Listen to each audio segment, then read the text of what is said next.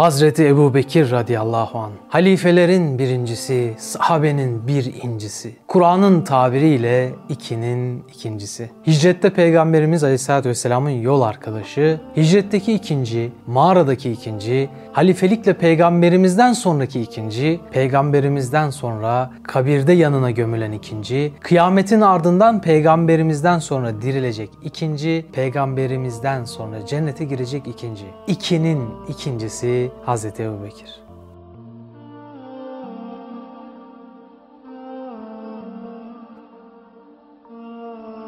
Ebu Bekir demek dirayet demek. Ebu Bekir demek sadakat demek. Ebu Bekir demek öncü olmak demek. Ebu Bekir demek feraset demek. Gün ızdırap günüydü. Semanın gün ortasında kapkara kesildiği, güneş tutulması yaşanmışçasına gözlerin karardığı, yeryüzünün ise tüm renklerini yitirdiği gündü. Gün, gönülleri aydınlatan Muhammed'in nurlu gözlerinin dünyaya kapanıp ahirete açıldığı gündü. Ayşe anamızın sesi yankılanmıştı Medine'nin aşk kokan sokaklarında. Mescidi misk kokutan gül solmuştu. Yüreği aşkla yanan sahabe perişan olmuştu bu haberle. Onunla tanımışlardı tüm sevinçleri. Şimdi o gidince kedere boyanmıştı tüm sevinçler. Sahabenin yüreğine saplanan bir sancıydı Hazreti Ayşe'nin sesi. Allah'ın Resulü vefat etti diyordu. Dizlerin bağı çözülmüş, herkes bir köşeye çekilmiş, çocuklar gibi ağlaşıyordu. Bazı münafıklar bu zor andan istifade etmek istemişlerdi. Eğer o peygamber olsaydı ölmezdi diyorlardı. Hazreti Ömer için içine ağlarken bu münafıkane sözleri duyunca çekti kılıcını. Her kim ona öldü derse bu kılıcımla kellesini vururum. O vefat etmedi. Musa'nın Tur Dağı'na gidip Rabbi ile konuşması gibi bir hal ona arız oldu dedi. Kabullenemiyordu bir türlü. Canından çok sevdiği Allah'ın Habibinin vefatını. O kadar kuvvetle inanmıştı ki yalancı peygamberler hala ortadayken, münafıklar hala çalışıyorken, dinden dönenler varken böyle bir zamanda Muhammed Aleyhisselatü Vesselam'ın ölmeyeceğini düşünüyordu. Allah'ın peygamberi hepsine galip gelmeden ölmez diye düşünüyordu. Yürek yangınıyla ağlarken. Hz. Ebu Bekir vefatından önce gözü gibi baktığı peygamberin biraz iyileştiğini görünce evine gitmek için izin istemişti. Vefat haberini Sunuh'dayken aldı. Ciğeri yandı. Atına atladığı gibi onun yanına koştu. Sahabenin halini gördü, titredi yüreği. Nazlı Nebi'nin yanına gitti. İçeri girdiğinde yüzünde örtü vardı. Örtüyü açtı, alnından öptü. Ey Allah'ın Resulü, sen diriyken de çok güzeldin, ölüyken de çok güzelsin.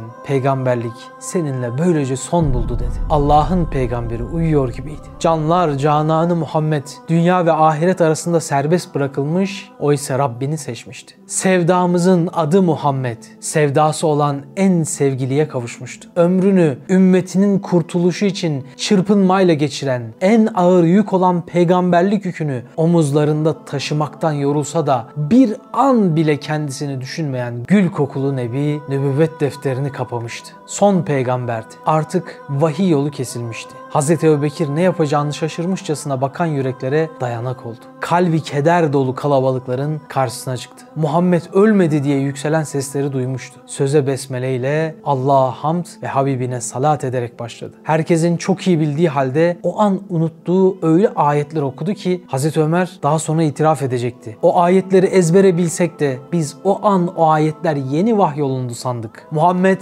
ancak bir peygamberdir. Ondan önce de nice peygamberler gelip geçti. O ölür veya öldürülürse gerisin geri mi döneceksiniz? Kim geri dönerse Allah'a en küçük bir zarar vermiş olmaz. Fakat şükredenlere Allah mükafatını verecektir. Hazreti Ebubekir kalpleri titretiyordu. Kim Muhammed'e tapıyorsa bilsin ki Muhammed ölmüştür. Her kim Allah'a tapıyorsa bilsin ki o haydır ve bakidir ve hiç ölmeyecektir. Allah'ın kitabı ve Resulullah'ın sünnetine sarılan doğruyu bulur. O ikisinin arasını ayıran sapıtır. Şeytan peygamberimizin ölümüyle sizi aldatmasın, dininizden sizi saptırmasın. Şeytanın size ulaşmasına fırsat vermeyiniz. İşte Ebu Bekir olmak bunu gerektirir. Sadakat bunu gerektirir. Muhabbet bunu gerektirir. Peygamber dostluğu bunu gerektirir. Peygamberli bir toplumdan peygambersiz bir topluma geçiştir Ebu Bekir. O öyle bir an ki düşünün herkesin canı gitmiş, cananı gitmiş. Bir işte muhayyer kalsalar danıştıkları peygamber gitmiş.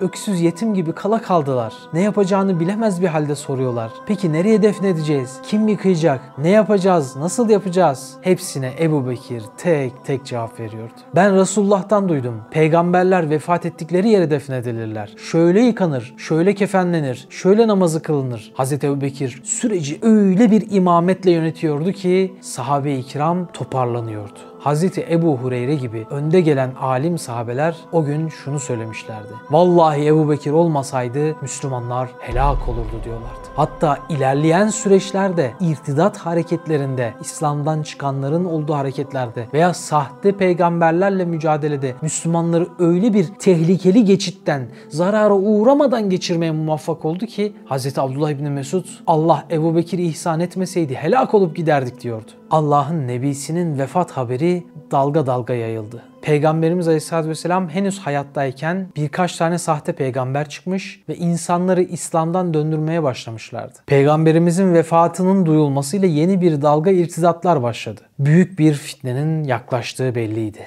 İslam çözülmeye uğrarsa bu felaketi beraberinde getirir tüm şer odakları darbe vurmak için elinden geleni yapar sıraya geçerlerdi. Başsız kalmamalıydı ümmet. Bugün görüyorsunuz ümmet başsız olduğu için ne halde? Peygamberimiz Aleyhisselatü Vesselam'ın bu konuda sözleri vardı onlara rehber olan. Müslümanlar acıları taze de olsa İslam için endişeleniyorlardı ve özellikle de Medineli Ensardan bir grup bunu dillendirerek bir an önce halife seçmemiz lazım. Tüm adımları ondan sonra atmalıyız dediler. Ensar içinde büyük sahabe Sa'd bin Ubade bu işe en uygun olan cemaatin Ensar olduğunu, halifenin Ensar içinden çıkması gerektiğini söyledi. Sahabenin pek çoğu gibi Allah hepsinden razı olsun bu işe liyakatliydi Sa'd bin Ubade ve bu yükü istikametle taşımaya hazır olduğunu hissettiriyordu. Fakat Ensar cemaati başka isimler arasında gidip geliyordu. Meselenin kritik olduğunu ve asla siyasi güç veya iktidar meselesi olmadığını hepsi biliyor, titizlikle konuşuyorlardı. Bu konuşmalar esnasında birisi kalkıp Ebu Ubeyde bin Cerrah'a gitti ve ona hilafet makamını teklif etti. O ise Ebu Bekir aramızda dururken bu işe ondan daha layık yoktur dedi. Hazreti Ömer'e durumu haber verdi. Ensardan bir grubun Beni Saide sakifesi gölgeliğinde böyle bir meseleyi konuştuklarını duyan Hazreti Ömer, Hazreti Ebu Bekir'e haber verdi ve bu hassas meselenin doğru bir zeminde konuşulması derdiyle oraya ulaştılar. Asla bir fitneye dönüşmemeliydi bu iş. Hazreti Ömer biraz heyecanlanmıştı Ensardan birinin muhacirlerin sayısının az olduğu gerekçesiyle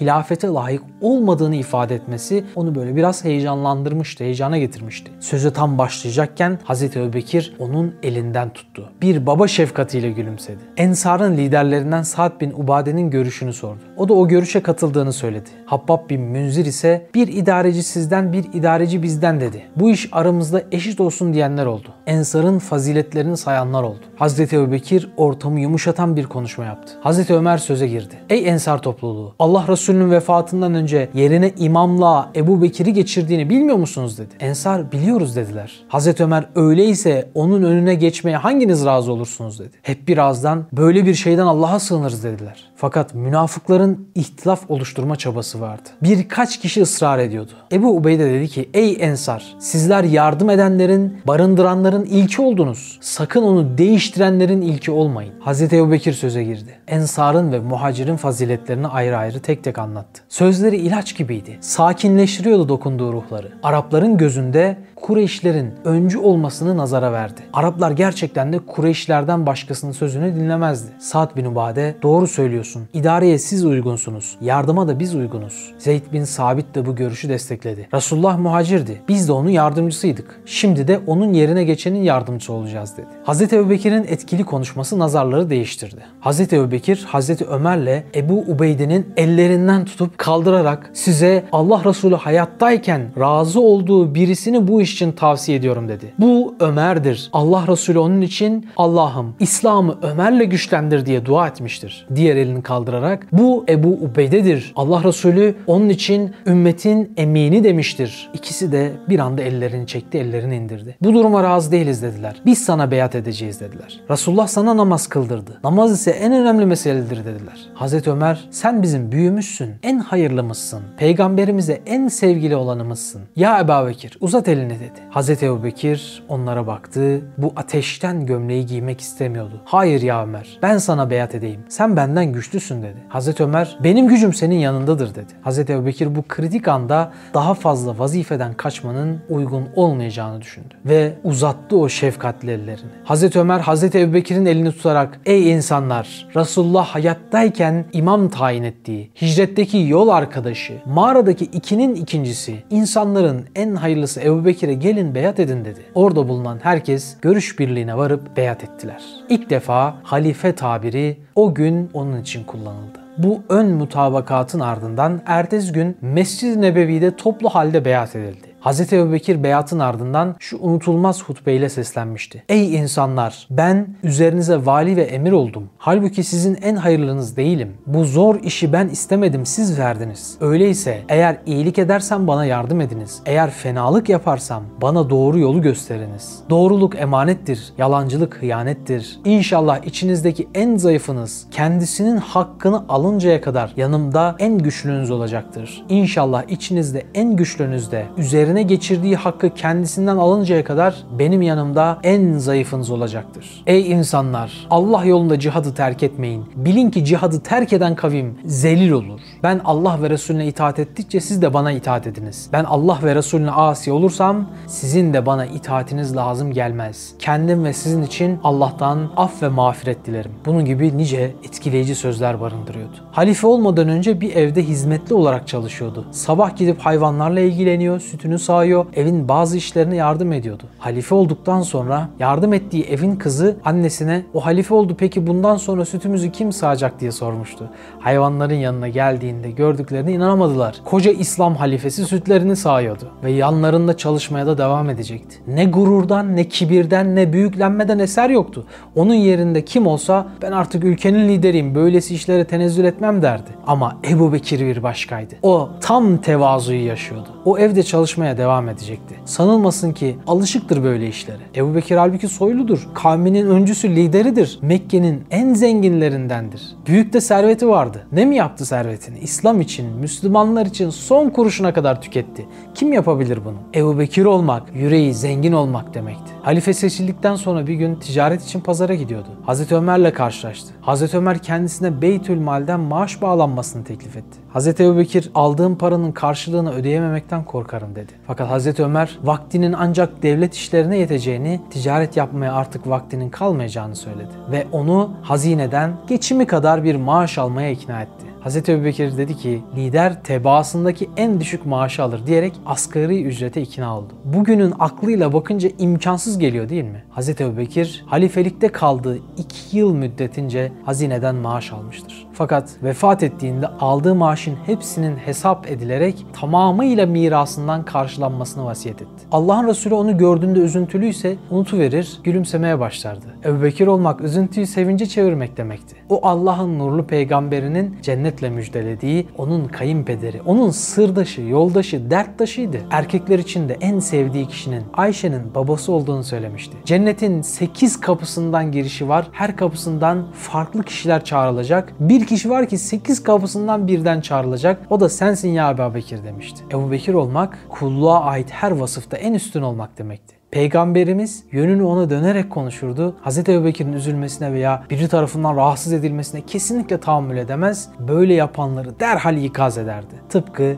hicrette olduğu gibi her savaşta da yanındaydı. Aynı zamanda her ilim meclisinde de yanı başındaydı. O sadıktı, sıddıktı. Benzersiz bir bağlılıkla bağlıydı Allah'ın elçisine. Sadece şahsına değil sünnetine, sözlerine, vazifesine de sadıktı. Hz. Peygamber döneminde çıkan tüm irtidat hareketleriyle halife olur olmaz ilgilenecekti. Ümmeti peygamberli dönemden peygambersiz döneme müthiş bir hassasiyetle taşıyacak, can suyu mahiyetinde çok güzel bir sistem ve düzen kuracak, sahabeyi toparlayacaktı. Başa gelince ilk icraatı Resulullah'ın Şam taraflarına göndermek üzere emrettiği Usame ordusuna hareket emri vermek olacaktı. Efendimiz Aleyhisselatü Vesselam Zeyd'in oğlunu 19 yaşında bir genç olan Usame'yi içinde savaş kahramanları bulunan ordunun başında görevlendirmişti. O bu şekilde gençlere itimat ediyordu. Hazreti Ömer'in, Hazreti Osman'ın olduğu orduda lider 19 yaşında bir genç. Allah Resulü ona haydi Allah'ın emriyle yürü dedi. Ama kendisi Allah'a yürüdü.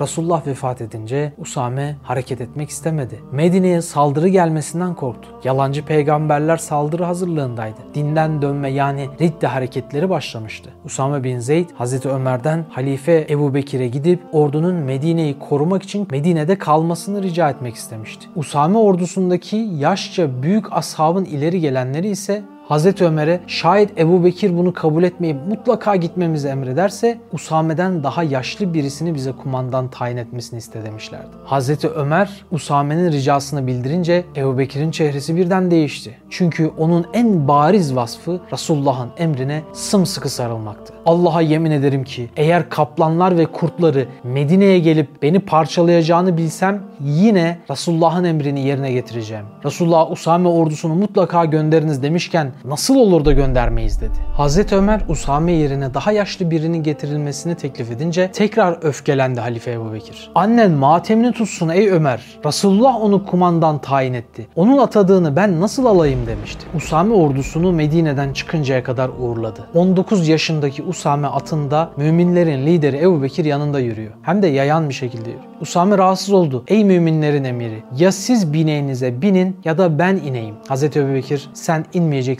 ben de binmeyeceğim. Kişi Allah yolunda cihat yolunda ayaklarına bir parça toz bulaşırsa her adımına 700 sevap yazılır. Derecesi 700 kat yükselir. 700 günah affolunur dedi. Usame ordusuna nasihat etti. Masumlara, sivillere, din adamlarına, yaşlılara, çocuklara, esirlere, ölülere, ağaçlara ve hayvanlara zarar vermemelerini öğütledi. Usame ordusunda Hazreti Ömer, Osman, Sa'd bin Ebi Vakkas gibi sahabenin önde gelenleri de vardı. Usame'den Hazreti Ömer'i yanında bırakmasını rica etti. Usame kabul etti. Halife olduğu halde emrinde bulunan birini izinsiz almıyor, ümmete idarecilik dersi veriyordu. Hazreti Ebubekir çok iyi bir idareciydi. Her işe işinin ehlini koyuyordu. Hukuk işlerine Hazreti Ömer'i, maliye işlerine ümmetin emini Ebu Ubeyde'yi, devlet yazışmaları işlerine Zeyd bin Sabit'i, kayıt işlerine Hazreti Osman'ı koydu. Usame ordusu Medine'den çıkınca Rumlar Müslümanlarla karşılaşmaktan çekindiler. İslam ordusu Huzalılardan bir grubu boz bozguna uğratınca civarda gözdağı verilmiş oldu. Niyeti bozuk olanlar da eğer Müslümanlar güçlü olmasaydı bu orduyu göndermezlerdi diyerek planladıkları saldırılardan ve fitnelerden vazgeçtiler. Böylece hem peygamberimizin emri yerine getirilmiş oldu hem de büyük fitnelerden Müslümanlar korunmuş oldu. Böylece Hz. Ebubekir ne kadar isabetli olduğu ortaya çıktı. Yoksa Hz. Ebubekir olmasaydı Hz. Ayşe'nin tabiriyle ümmet kış gecesinde yağmura tutulup dağılan koyunlar gibi olacaktı. Hz. Ebubekir'in önlediği en büyük fitne ise dinden dönenler yani ridde hareketi ve yalancı peygamberlere karşı alınan galibiyetlerdi. Peygamberimiz Aleyhisselatü Vesselam vefat edince dinden dönenler sahte peygamberler etrafında birleşiyorlardı. En temel dinden dönme sebepleri ayet-i kerimede buyurulduğu gibi onlar iman ettik diyorlar. Onlara de ki hayır iman etmediniz. Müslüman olduk deyiniz. Çünkü iman kalplerinizde yerleşmiş değildir. Birinci sebep bu. İmanlarının kalplerinde yerleşmemesi. İkinci olarak ırkçılık ve kavmiyetçilik. Kureyş'e tabi olmak yerine yalancı olduğunu bilseler de sahte peygambere kendi aşiretinden diye tabi oluyorlardı. Bu şekilde İslam'ı terk ediyorlardı. Üçüncü irtidat sebebi ise İslam'ın kısa sürede Arap coğrafyasında gösterdiği siyasal ve askeri başarı. Başkalarının iştahını açmış olduğu iman gözüyle bakmayanlar bu başarıyı dünyevi zannedip elde etmek istediler ve peygamberliklerini ilan ettiler. insanları dinden döndürdüler. Bunların ortak özellikleri peygamberimizi taklit etmeleri, hokkabazlık ve illüzyon öğrenip bunları mucize gibi insanlara sunmaya çalışmalarıydı. Her denemelerinde rezil rüsvay olup savaşlarda da mağlup olmalarıdır. Resulullah'ın vefatından sonra çıkan en büyük tehlikelerden birisi de İslam'ın bazı hükümlerini kabul edip bazılarını kabul etmeyenlerdi. Biz namaz kılarız ama zekat vermeyiz diyorlardı. Gerekçe olarak peygamberin ölmesini gösteriyorlardı. O varken İslam güçlüydü, şimdi zayıf diyorlardı. Hazreti Ebubekir onlarla savaşmak istediğinde Hazreti Ömer onu vazgeçirmek istedi. Ey müminlerin halifesi, onların İslam'a ısınmaları için zaman ver. Onların İslam'dan çıkmalarından korkuyorum dedi. Hazreti Ebubekir öfkelendi. Annen matemini tutsun. Cahiliyenin cesuru Ömer İslam'ın korkağı mı oldu? Vallahi Resulullah'a verdikleri bir yular parçasını bile vermekten kaçınsalar bunun için onlarla savaşırım. Taşlar, ağaçlar, cinler onların tarafında karşı koysa bile ruhumu teslim edinceye kadar o yular için savaşırım. Allah ayetinde namazla zekatı beraber emretmiştir. Bunların arasını ayırmaya çalışanlarla savaşırım. Allah'a yemin olsun ki Resulullah'ın uğrunda savaştığı bir şey bırakmaktansa gökten düşerek parça parça olmayı tercih eder. Sahabeler ikna olmakla kalmamış, Ebu Bekir'in kahramanlığından çok da etkilenmişlerdi. Hemen bir ordu hazırladı. Ordunun da başında kendisi de gitmek istedi. Fakat sahabeler onu Medine'de kalması noktasında zar zor ikna etmişlerdi. Ona gelecek zarar İslam'ı tehlikeye düşürürdü. O gün hareket eden İslam ordusu tüm tehditleri bertaraf etti.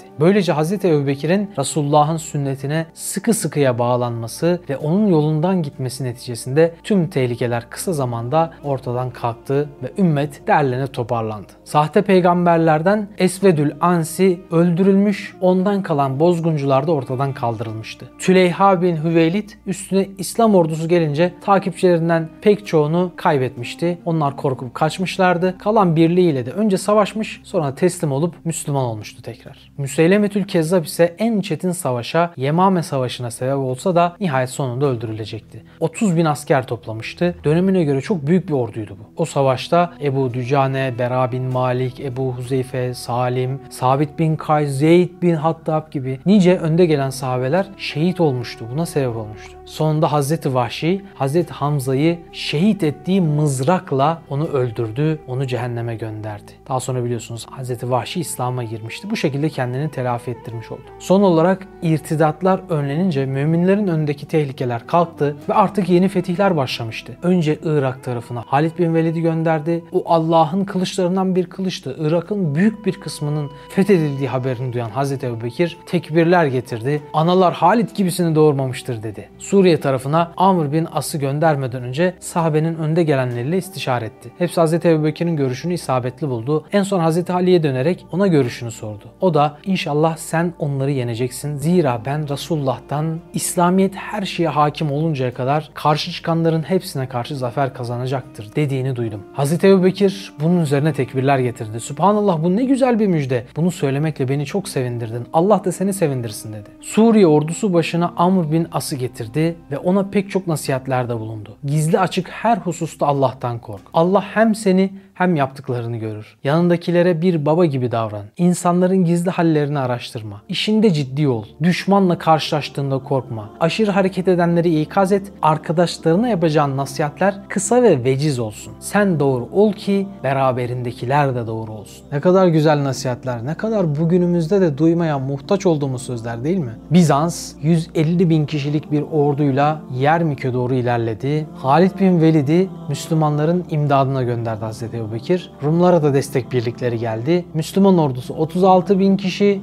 karşıda küffar ordusu 200 bin kişi. Sonuç ne oldu tahmin edin? Bizans ordusunu Müslümanlar mağlup etti. Tarih miladi 634'tü. Hz. Ebubekir'in maddi fetihlerinin örgüsünde manevi fetihleri de vardı. Bunlar içindeki en önemli adımlarından biri Kur'an'ın birleştirilip tek kitap haline getirilmesiydi. Yemame Savaşı'nda çok fazla hafız şehit edilince bu zaruret ortaya çıkmıştı. Zaten farklı coğrafyalara İslam'ın yayılması, musafların korunmasını ekstra gerektiriyordu. Daha önceden Kur'an kemikler üzerine, ceylan derilerine vesaire musaf musaf yazılırken tüm sayfaları birleştirip bir kitap haline getirdi Hz. Ebubekir. Başlangıçta bu işin başına Zeyd bin Sabit'i koydu. Hz. Zeyd bu işte tam biçilmiş kaftandı. Zekiydi, hafızası kuvvetliydi, Resulullah'ın vahiy katibiydi, Kur'an'ı en iyi okuyanlardan biriydi. Kur'an'ın tek kitapta toplanılmasını aslında ilk önce Hazreti Ömer teklif etmişti. Sadakatin zirvesi Hazreti Ebubekir Resulullah'ın yapmadığı bir şeyi ben nasıl yapabilirim demişti. Ama hikmetini idrak edince Allah onun da gönlünü bu işe açmıştı. Böylece onun ömrü zarfında Kur'an iki kapak arasında toplanılmış oldu. Hazreti Zeyd oluşturduğu Kur'an'ı alim ve hafız sahabeler huzurunda baştan sona okudu. En ufak bir hata bulunmadı. Bu musaf vefatına kadar Hazreti Ebubekir'in sonra Hazreti Ömer'in sonra da onun kızı Efendimizin eşi Hazreti Hafsa'nın yanında kalacaktı. Hazreti Ebubekir'in halifeliği meselesinde bir konuyu bilerek sona bıraktım. Sanki Hazreti Ali ile aralarında bir problem varmış gibi ümmeti bunun üzerinden bölmek isteyenlere kapıyı kapatmak adına şunları bilelim. Hz. Ebubekir halife seçilirken umumi beyat esnasında Hz. Ali de oradaydı. Fakat o anda beyat teamülünü ilk anda sergilemedi. Ümmet arasında ihtilaf çıkmasını arzu edenler Hz. Ali'nin yaklaşımını farklı bir yöne çekmek istiyorlar. Hz. Ali daha sonra beyat etti ve daima Hz. Ebubekir'in yanında baş danışmanı gibi veya Şeyhül İslam gibi görev aldı. Kendi çocuklarına Ebu Bekir, Ömer, Osman isimlerini verdi. İddia edildiği gibi aralarında bir düşmanlık veya olumsuzluk yoktu. Beyat anında Hz. Ali'nin tepki gösterdiği husus şuydu. Bu işte kendisi gibi sahabenin önde gelenleriyle istişare edilmeden hareket etmenin doğru bir yöntem olmadığını düşünüyordu. Ve Resulullah'ın cenazesi kılınmadan alınan bu kararın zamanlamasından rahatsızlığını dile getirmişti. Cenazeden sonra konuşulmalıydı ona göre. Belki de yakışık almadı diye düşünmüştü. Fakat Hz. Ebubekir durumu izah edince ona hak verdi. Eğer o mesele bu şekilde halledilmeseydi fitne çıkabilirdi. Zira ehli beyti veya sahabenin önde gelen isimlerini dahil etmeme gibi bir durum söz konusu değildi. Ehli beyt zaten Resulullah'ın ailesi olduğu için adet üzere cenazeyle meşguldü. Cenazenin teçhiziyle, defin işlemleriyle, hazırlıklarıyla meşguldü. Münafıkane ihtilaf çıkarmak isteyenler Fedek arazileri hakkında da bazı iftiralar ve yalanlarla ümmet içinde bozgunculuk yapıyorlar. O meseleye de değinelim. O arazi Efendimiz Aleyhisselatü Vesselam zamanında Hayber fethinden sonra ele geçirilmişti. Medine'ye 150 kilometre uzaklıktaydı.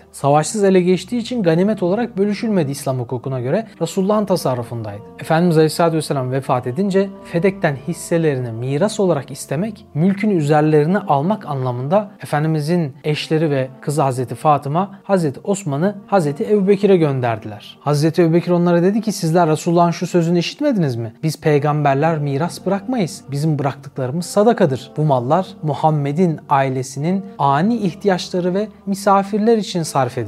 Ben öldükten sonra bu mallar benden sonra iş başına geçen kimsenin tasarrufundadır. Buhari'de geçiyor bu hadis. Muhtemelen o güne kadar bu hadisi işitmemişlerdi. O yüzden böyle bir talepte bulunmuşlardı. Ashabın öncüleri de bunu biliyorlardı. Peygamberimizin hanımları bu sözü duyunca isteklerinden hemen vazgeçtiler. Hazreti Fatıma ise farklı bir hissiyattaydı. Hazreti Ebubekir'in yanına bizzat giderek sen ölsen senin mirasın kime kalır diye sordu. Hazreti Ebubekir eşime ve çocuklarıma dedi. O halde neden bizi mahrum ediyorsun? Nasıl oluyor da ben babamın varisi olamıyorum dedi. Hazreti Ebubekir ya Fatıma sen Resulullah'ın kızısın. Sana vermeyeceğiz de kime vereceğiz? Lakin Allah'ın Resulü hayattayken şöyle söyledi. Bu kulaklarımla işittim. Bunlar Allah'ın hayattayken bana yedirdiği bir lokmadır. Ben öldükten sonra bunlar Müslümanların ortak malıdır. Bu da keza Buhar'da geçiyor. Hazreti Fatıma kabullenerek oradan tek kelime etmeden ayrıldı. Bir tartışmaya girmedi, itiraz da etmedi. Durumu kabullendi fakat boynu büküldü. Yetim kalmıştı, kendini iyice yetim hissetmişti. Bu hissiyatın etkisiyle kalbi kırılmıştı. Hazreti Ebubekir radıyallahu anh Peygamber Efendimiz Aleyhisselatü Vesselam biricik kızı, ciğerparesi, ehli beytin annesi Hazreti Fatıma'yı incitmezdi, incitemezdi, incitmeyi aklından dahi geçiremezdi. Ona çok ağır gelmişti Resulullah'ın incisini mahrum etmek. Fakat o sıddıktı. Resulullah'tan ne duyduysa tatbik etmesi gerekiyordu. Sineye çekti bu burukluğu. Hazreti Ali itiraz etmedi. Kendisi daha sonra bu olayı anlattığında Ebu Bekir'in kararını takdir edecek ve iki arada kalışını anlatırken gözlerinden yaşlar düşecekti. Hazreti Ali halife olduğunda da bu kararı uygulamaya devam etti. Bir zulüm olsa veya orada bir haksızlık olduğunu düşünse Hazreti Ali başa geçtiğinde bu durumu değiştirirdi. Ama o da uygulamaya devam etti. Tıpkı kendisinden önce Hazreti Ömer ve Hazreti Osman'ın da aynı Ebu Bekir'in kararını uyguladıkları gibi. Hazreti Ebu Bekir Fedek'ten Ehli Beyt'e veya hanımlarına pay vermese de Beytülmal'in kasasından Ehli Beyt'e daima destek oldu. O şefkat dolu sinesinden daima peygamber torunları Hasan ve Hüseyin'e muhabbet aktı. Fakat Hazreti Fatıma kırgınlığının vefatına yakın bir zamana kadar sürdürdü. Bu da bir gerçek. Hazreti Fatıma peygamberimizden 6 ay sonra vefat etti. Vefatından önce o buzlar eridi. Merak etmeyin. Hazreti Ebubekir onu hasta yatağında ziyaret etti. Gönlünü almış olduğunu Beyhaki bize Sünen'inde haber veriyor. Hazreti Ali de hatta çatlak sesleri önlemek için Hazreti Fatıma'nın vefatından sonra ikinci kez beyat etmişti. Hazreti Ebubekir 63 yaşına gelmiş, öleceği hastalığına yakalanmıştı. Kızına sordu. Resulullah hangi gün vefat etmişti? Pazartesi dedi. Bugün günlerden ne? Pazartesi. Allah'ın benim canımı bugün almasını temenni ederim dedi. Allah'ım bu nasıl bir sadakat ki vefatında bile aynı gün, aynı yaşta vefat etmek istiyor. Beni şu elbiseyle kefenleyin dedi. O elbise eski dediklerinde yeni elbiseye diriler ölülerden daha çok muhtaçtır dedi. Kefeninde bile iktisat ve kanaatı tercih ediyordu. Kendinden sonra tekrar fitnelerin çıkmaması için Hazreti Ömer'i yerine atamayı düşünüyordu. Fakat halifeliği esnasında her adımda yaptığı gibi burada da sahabelerle istişare etti. Halifenizi benden sonra seçiniz. Ben hayattayken bunu yaparsanız ayrılığa düşmezsiniz dedi. Sahabe istişare etse de bir isim üzerine ittifak edemediler. Ya Ebu Bekir sen kimi uygun görüyorsun dediler. Hazreti Ebu Bekir biraz bana müsaade edin biraz bana zaman verin dedi. Hazreti Ömer'i yanına çağırdı. Hazreti Ömer halife olmak istemiyorum dedi. Bu işin sorumluluğunun yükünün altına girmek istemedi. Hazreti Ebu Bekir bir şekilde onu konuşarak ikna etti. Sonra sahabeleri yanına çağırıp tek tek görüştü. Ömer'e onlardan sordu. Hepsi de senin bildiğinden daha iyi kalplidir, senin umduğundan daha hayırlıdır dediler. Hazreti Osman'ı yanına çağırdı. Ahitname yazdırdı. Tam yazılırken kendi yerine geçecek kişinin adının yazılacağı esnada Hazreti Ebubekir bayıldı. Hazreti Osman vefat ettiğini sandı. Ümmetin fitneye düşmesinden endişe etti. Hemen o kısmı Hazreti Ömer'in adını yazdı. Bir süre sonra Hazreti Ebubekir kendine geldi. Ne yazdığını sordu. O da okuyunca Hazreti Ebubekir Allahu Ekber. Müslümanların ihtilafa düşeceğinden korkup Ömer'in adını yazdığını görüyor. Vallahi sen de bu işe layıksın dedi. Hazreti Osman dışarı çıkınca toplanan sahabelere seslendi. Bu zarfın içindeki kişiye beyat edecek misiniz diye sordu. Hep birazdan evet dediler. Hazreti Ali yazılı olan zatın Ömer olduğunu biliyoruz. Lütfen mektubu okuyunuz dedi. Mektup okundu. Adeta bir ders kitabı gibi çok tesirli nasihatler vardı. Dünyayı ahirete tercih etmemeyi, dürüstlüğü, hak üzere olmayı öğütlüyordu. Hazreti Ebubekir 63 yaşındaydı. Gittikçe nefes almakta güçlük çekiyordu. Son sözleri Hazreti Yusuf'un duasıydı. Allah'ım canımı Müslüman olarak al ve beni salihler arasına kat olmuştu. Canından çok sevdiği, güllerin efendisiyle aynı yaşta ahirete adımlattı. Cenaze namazını Hazreti Ömer kıldırdı. Çok sevdiği, daima yanından ayrılmadığı Resulullah'ın yanına defnettiler onu. Nurdan kabirlerden buram buram gül kokusu yayılıyor. Mana gözüyle bakanlar kabir sahiplerinin birbiriyle kucaklaştığını görür gibi hatta hoş geldin sesini duyar gibi oluyorlardı. Allah ondan razı olsun. O ümmetin en hayırlısıydı. Bizler ise onun arkasından buruk buruk bakan, ona imrenenleriz. Rabbim onu Resulullah'a kavuşturduğu şekilde bizi de kavuştursun. Bu asrın Ebu Bekirleri olup gönül zenginliğiyle hayırdan hayıra koşmayı tıpkı Ebu Bekir gibi nice imanlara vesile olmayı nasip eylesin. Onun sinesinde şefkat ve merhamet okyanusu vardı. İnsanların cehennemden kurtulmaları için çırpınıyordu tanıdığımız en meşhur sahabeleri İslam'a taşıyan Allah'ın izniyle o olmuştu. Tüm servetini köleleri azat edip İslam saflarına kazandırmaya harcamıştı. O kadar çok dertlenmişti, o kadar çok İslam davasını iliklerine kadar hissetmişti ki Ya Rab beni cehennemine koy ve bedenimi öyle büyüt, öyle büyüt ki Müslümanlardan başka hiç kimseye yer kalmasın diye dua ederdi. Öyle içi yanarak dua ederdi ki arifler o dua ederken ciğerinden yanık kokusu geldiğini menkıbelerde anlatırlar. Bu duası bu asrın bir nevi Ebu Bekir'i olan üstadın şu satırlarına benziyor. Kur'an'ımız yeryüzünde cemaatsiz kalırsa cenneti de istemem. Orası da bana zindan olur. Milletimin imanını selamette görürsem cehennemin alevleri içinde yanmaya razıyım. Çünkü vücudum yanarken gönlüm gül, gülistan olur. Allah hepsinden razı olsun. Hz. Ebu Bekir bize istişarenin önemini, fedakarlıktan geri durmamayı, hak ve hakikate yapışmakta, Allah'ın emirlerine ve Resulullah'ın sünnetine harfiyen uymakta sadakatli olmayı, ihlas ve samimiyeti, tevazuyu ve kanaati ders vererek gitti. Onun idareciliği sadece siyasetçilerin ders alacağı bir mesele değildir. Her Müslümana dikkatle baktığı sürece ne dersler vardır onun idareciliği içinde. Rabbim ders alanlardan eylesin. Allah'a emanet olun. Osman Sungur Yeke'nin yeni çıkan Hadi İnşallah kitabını Nüve Pazar, DNR ve kitapyurdu.com'dan satın alabilirsiniz.